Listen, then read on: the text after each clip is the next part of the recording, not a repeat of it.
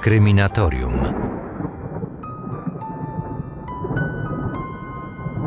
Dziś będzie o sprawie sprzed wielu, wielu lat.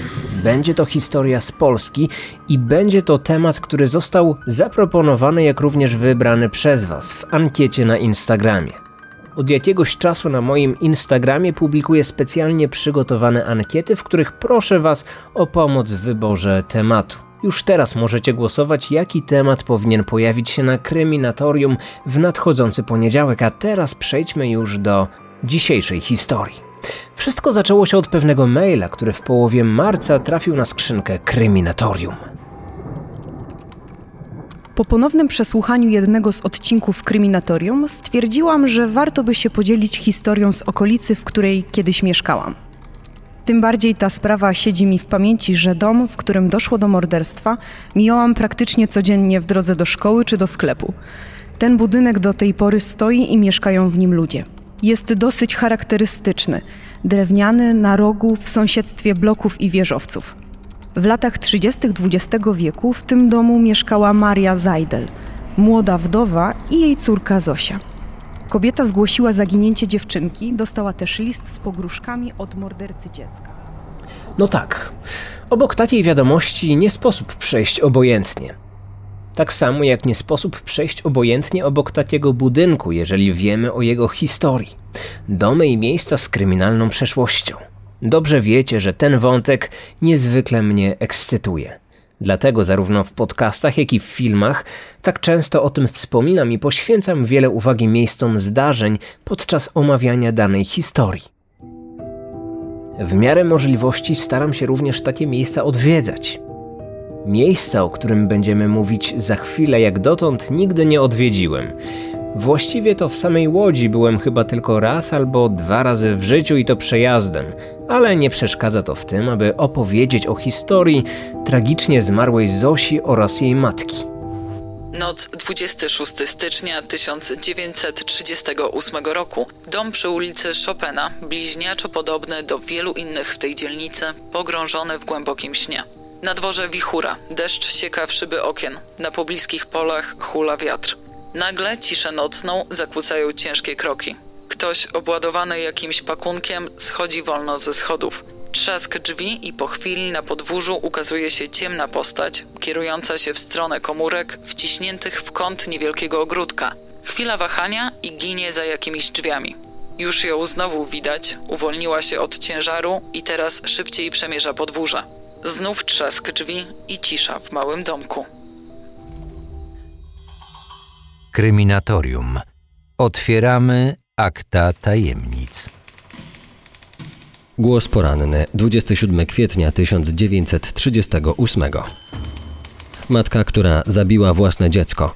Wypadek nader rzadki w kryminalistyce. Matki porzucają niemowlęta, które są dla nich ciężarem, niekiedy topią lub duszą kilkutygodniowe owoce swej miłości, ale tak jak Zajdlowa zgładzić córkę uczęszczającą już do szkoły, zabić jedynaczkę będącą ukształtowaną istotą ludzką, to doprawdy wyjątkowy kazus.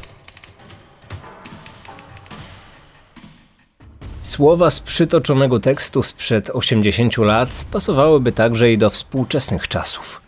Zbrodnie popełniane przez matki wzbudzają wiele emocji i jednocześnie wzbudzają największą odrazę. Wystarczy przypomnieć sobie niezwykle głośną sprawę zaginięcia półrocznej Madzi z Sosnowca. Na pewno pamiętacie, jak wielkie wywołało to poruszenie. Media w tym czasie oszalały, donosiły o najdrobniejszych szczegółach z życia morderczyni. Historia ta była przez długi czas numerem jeden w telewizji, gazetach, a także na ustach wszystkich Polaków. Nie inaczej było w przypadku zaginięcia dwunastoletniej Zosi Zajdel z Łodzi, jeszcze z czasów sprzed II wojny światowej. Analizując tę sprawę, możemy stwierdzić, że sprawa Katarzyny W. wcale nie była niczym nowym w świecie polskich spraw kryminalnych. Takie przypadki zdarzały się już w historii o wiele wcześniej. Mroźnego poranka 28 stycznia 1938 roku na jednym z łódzkich komisariatów pojawiła się 29-letnia kobieta, Maria Zajdel, która przyszła z zamiarem zgłoszenia zaginięcia swojej córki Zofii. Według jej wersji zdarzeń, 12-letnia Zosia dzień wcześniej, czyli 27 stycznia, około godziny 14 wyszła z domu i do tej pory nie wróciła. Matka sugerowała, że mogło dojść do jakiegoś wypadku. Policja natychmiast wszczęła dochodzenie w sprawie zaginięcia dziewczynki.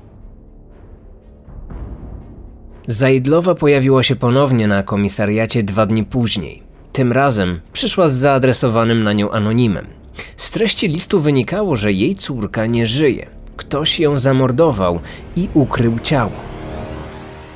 Nadawca radził matce szybko wyprowadzić się z domu, bo jej również groziło niebezpieczeństwo. Policja musiała stawić czoła temu niecodziennemu wyzwaniu. Może list był tylko okrutnym żartem, a dziewczynka wciąż pozostaje cała i zdrowa? Czy Maria Zajdel miała jakichś wrogów? Czasu było niewiele. Policjanci swoje dochodzenie rozpoczynają od rozmowy z sąsiadami. Zebrane w ten sposób informacje mogą okazać się niezwykle ważne. Maria nie cieszy się zbyt dobrą opinią. Po śmierci swojego męża zaczęła zaniedbywać córkę, a w jej mieszkaniu coraz częściej pojawiali się obcy mężczyźni. Z pewnością jednak nie miała żadnych wrogów. Zosia za to postrzegana jest jako grzeczne i posłuszne dziecko. Już w tak młodym wieku zaczęła pomagać matce przy pracy związanej z haftem. Lokatorzy z Chopina przypuszczają, że Zosia miała dość rozwiązłego stylu życia matki. Może to skłoniło ją do ucieczki.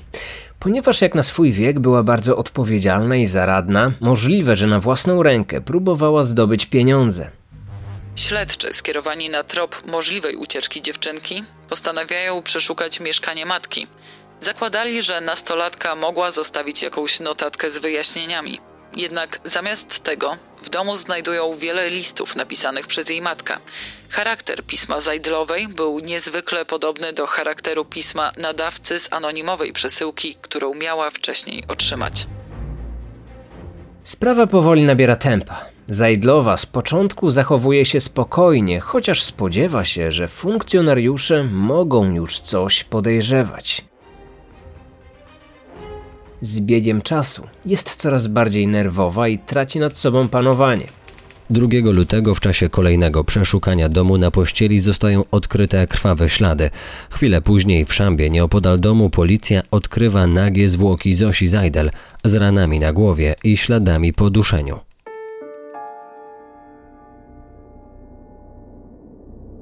Maria Zajdel po odkryciu zwłok dziecka zmienia wersję wydarzeń. Mówi, że 26 stycznia jej córka była w domu aż do wieczora. Jednak około godziny 20 Marię odwiedził jej partner, Stanisław. Kobieta miała wobec niego poważne plany. Marzyła o ślubie. Matka Zosi wyszła do apteki po środki przeciwbólowe, a córkę zostawiła z tym mężczyzną. Po powrocie matki dwunastolatki w domu już nie było. Funkcjonariusze wtedy jeszcze nie mogli zatrzymać kobiety. Nie mieli dowodów, ale już następnego dnia na komisariat dociera kolejny anonim, którego nadawcą jest kobieta podająca się za morderczynię Zosi. W liście wyznaje, że postanowiła popełnić samobójstwo i przyznaje się do zbrodni, którą popełniła rzekomo w zemście za odbicie przed laty ukochanego mężczyzny, Zajdla. W tym samym czasie policjanci informują Marię, że mordercę jej dziecka może uda się zidentyfikować po śladach paznokci na szyi dziewczynki. Zajdlowa, którą w końcu udaje się doprowadzić do aresztu w obawie o swoje dalsze losy, postanawia powyrywać sobie wszystkie paznokcie. W ataku paniki nie zdaje sobie sprawy, że takie zachowanie może tym bardziej zwrócić uwagę funkcjonariuszy na jej osobę. Wyrwanych paznokci nie udaje jej się ukryć, a ich fragmenty zostają dołączone do materiałów dowodowych. Zatrzymani zostają także 27-letni Stanisław, narzeczony Marii Zajdel oraz jej przyjaciółka, 28-letnia Wiktoria. Wszyscy podejrzewani są o udział w zbrodni. Zajdlowa w końcu przyznaje się do uduszenia córki. Tłumaczy, że stało się to podczas kłótni, ponieważ dziewczynka zarzucała matce umyślne gaszenie światła tak, żeby ta nie mogła czytać. 29-latka twierdzi, że tego dnia była poddenerwowana, a dodatkowo cierpiała na ból zęba, więc łatwo dała się sprowokować dziecku. W nerwach złapała za młotek i rzuciła nim w dziewczynkę. Przypadkowo trafiło ją w głowę. Zosia wtedy rzuciła się na matkę. Doszło do szarpaniny, podczas której Maria zacisnęła swoje dłonie na szyi dziecka. Chwilę później Zosia była już martwa. Kobieta po uduszeniu córki miała zapakować jej ciało do worka i wyrzucić do ustępu. Po powrocie do domu zaczęła pisać anonimy, które później dotarły w ręce funkcjonariuszy. Podczas kolejnego przeszukania w domu odnaleziony zostaje zakrwawiony młotek i ubrania zmarłej dziewczynki. W areszcie Maria próbuje popełnić samobójstwo. Wciska sobie do gardła chusteczkę, ale kobietę w porę udaje się uratować. Okolicy krążą dodatkowo plotki, że babcia zabitej dziewczynki, gdy dowiedziała się o anonimach, odetchnęła z ulgą, ponieważ sama podejrzewała swoją córkę o dokonanie tej makabrycznej zbrodni. Stanisław w areszcie przyznał, że nie planował żenić się z Marią Zajdel, a jej córka była bardzo spokojnym dzieckiem. Gdy policjanci w końcu poinformowali ludzi o tym, kto stoi za tą zbrodnią, okolica, w której znaleziono martwe dziecko, stała się celem lokalnych schadzek. Łodzianie tłumnie zbierali się przy ulicy Chopina i komentowali sprawę. Gdy siostra Zajdlowej przybyła do jej mieszkania, aby zabrać kilka drobiazgów, spotkała się z agresją i próbą linczu. W archiwalnych materiałach wciąż możemy znaleźć zdjęcia z pogrzebu dziewczynki. Ciało przez jeden dzień było wystawione na widok publiczny. W samym pogrzebie uczestniczyć miało około 30 tysięcy osób. Proces przeciwko 29-latce rusza 26 kwietnia 1938 roku. Prokurator oskarża kobietę o zabójstwo. Chwyciła ją rękami za szyję, odcinając tym samym dopływ powietrza do dróg oddechowych, w wyniku czego nastąpiła śmierć dziecka. Sprawa zdobyła duży rozgłos. Przed gmachem sądu w dniu rozprawy pojawił się tłum żądny widoku morderczyni. Po otwarciu drzwi na salę wiele osób starało się bezskutecznie wedrzeć do środka. Wszyscy zgromadzeni z napięciem oczekiwali początku rozprawy. Policjant wprowadza oskarżoną Zajdlową. Wchodzi z pochyloną głową, nie podnosząc oczu. Średniego wzrostu blondynka w granatowym kostiumie, pantoflach na wysokich obcasach ze starannie uczesaną głową. Te blond loki nadają jej nawet nieco kokieterii. Twarz blada o dość regularnych rysach, oczy zgaszone. Siada bokiem do publiczności i trwać będzie w tej pozycji do końca procesu, nie spojrzawszy ani razu w stronę ławy dla widzów. Czy oskarżona przyznaje się do winy? Zabiłam, ale nie miałam takiego zamiaru. Po tym oświadczeniu Maria Zajdel przystąpiła do szczegółowego opisu swojego życia. W wieku 16 lat wyszła za mąż za szofera. Mąż zmarł w 5 lat po ślubie. Owocem ich związku była dwójka dzieci: Zosia oraz młodsza córka, która zmarła kilka dni po narodzinach. Chociaż w małżeństwie układało się raczej dobrze, Maria długo nie rozpaczała po stracie męża. Utrzymywała się z haftu, w czym pomagała jej córka. Dodatkowo była sekretarką w Stowarzyszeniu Młodzieży Polskiej w okolicy. Zosia była spokojna, ale zgryźliwa i niewyrozumiała. Gdy czegoś pragnęła, bywała nieznośna. Córka pracowała mało, ponieważ twierdziła, że nie ma czasu. Sprzeczki na tym tle były częste, nieraz bardzo burzliwe. Jak byłam silnie zdenerwowana, to mówiłam, że się zabije. Zosia nic sobie z tego nie robiła i mówiła: Ty tego nigdy nie zrobisz.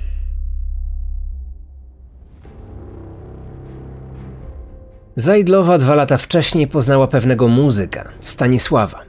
Chciała sobie z nim ułożyć życie, ale sąsiadki jej powtarzały, że ten mężczyzna się z nią nie ożeni, ponieważ przeszkadza mu jej córka.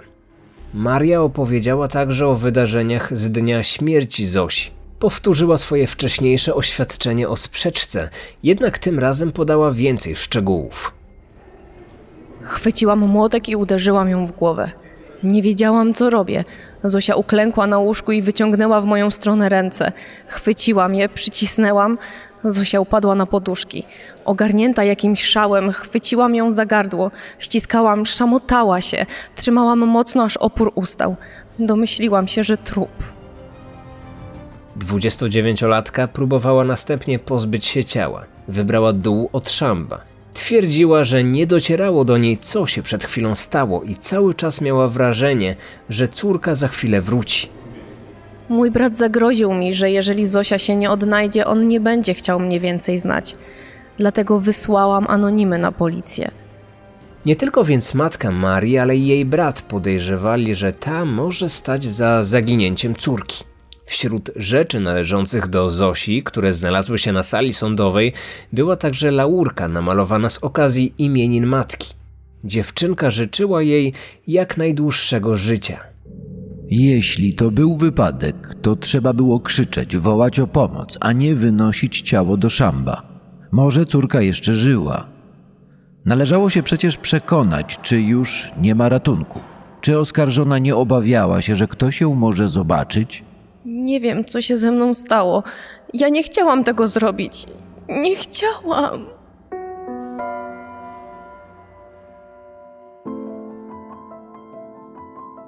Sąd powołał świadków.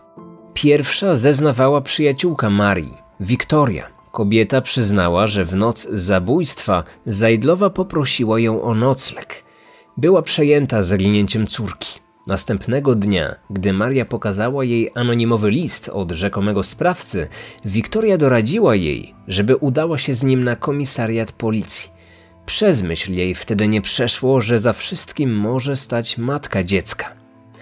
O sytuacji na sali rozpraw opowiadał także mężczyzna, na którego początkowo winę próbowała zrzucić Maria, Stanisław. Dziennik Kurier Łódzki opisał go jako tęgiego, łysiejącego mężczyznę średniego wzrostu. Zeznał, że Zajdlową poznał na wycieczce w 1936 roku. Na początku był częstym gościem Marii, ale w końcu zerwał z nią kontakt. Niedługo później jednak przypadkiem spotkali się gdzieś na ulicy i znowu zaczął u niej nocować. Twierdził, że u Marii często pojawiali się jacyś mężczyźni.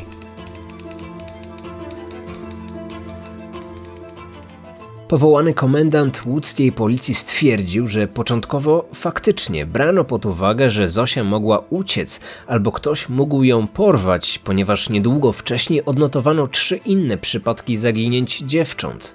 Jednak wraz z podejmowanymi kolejno krokami w celu odnalezienia dziecka, szybko okazało się, że policjanci będą mieli do czynienia ze sprawą zabójstwa.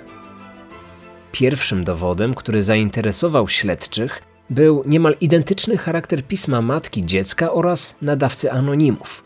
Kobiecie pokazywano zdjęcia zwłok córki. Początkowo na ich widok mydlała i nie była w stanie nic z siebie wydusić, ale funkcjonariusze doskonale wiedzieli, co robią. Na koniec wysłuchano opinii biegłego lekarza, który przedstawił wyniki z sekcji zwłok Zosi. Na jej głowie znaleziono dwa urazy zadane tępym narzędziem. Oba uderzenia zadane zostały bezwzględnie za życia dziewczynki. Na szyi ofiary odnotowano ślady charakterystyczne dla uduszenia. Morderstwo dokonane zostało wkrótce po jedzeniu, o czym świadczy analiza treści żołądka. W przybliżeniu miało ono miejsce godzinę po kolacji. Przyczyną śmierci było uduszenie. Nie wykluczono, by drugi uraz spowodowany został uderzeniem o kant twardego przedmiotu, być może nocnego stolika.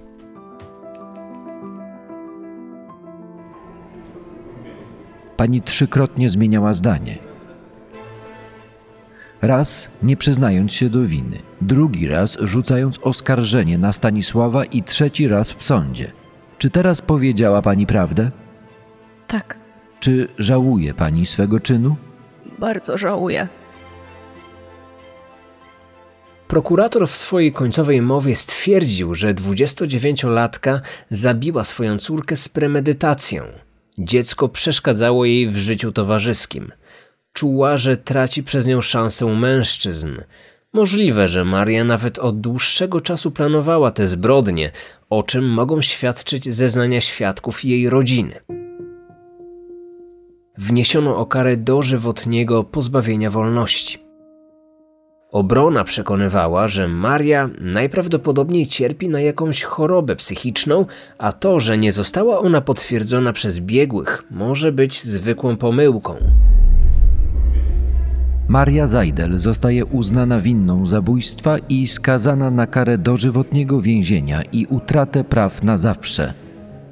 W jej działaniu nie było przypadku. Wymiar kary podyktowany został winą udowodnioną, brakiem skruchy, matactwem, zachowaniem się oskarżonej po morderstwie, wykazaniem braku uczuć ludzkich i macierzyńskich. kobieta trafiła do bydgoskiego więzienia. Tego, w którym swój wyrok odsiadywała także inna znana zbrodniarka, Rita Gorgonowa. Po wybuchu wojny więźniarki wyszły na wolność. Nie wiadomo jednak, jak potoczyły się dalsze losy Marii Zajdel.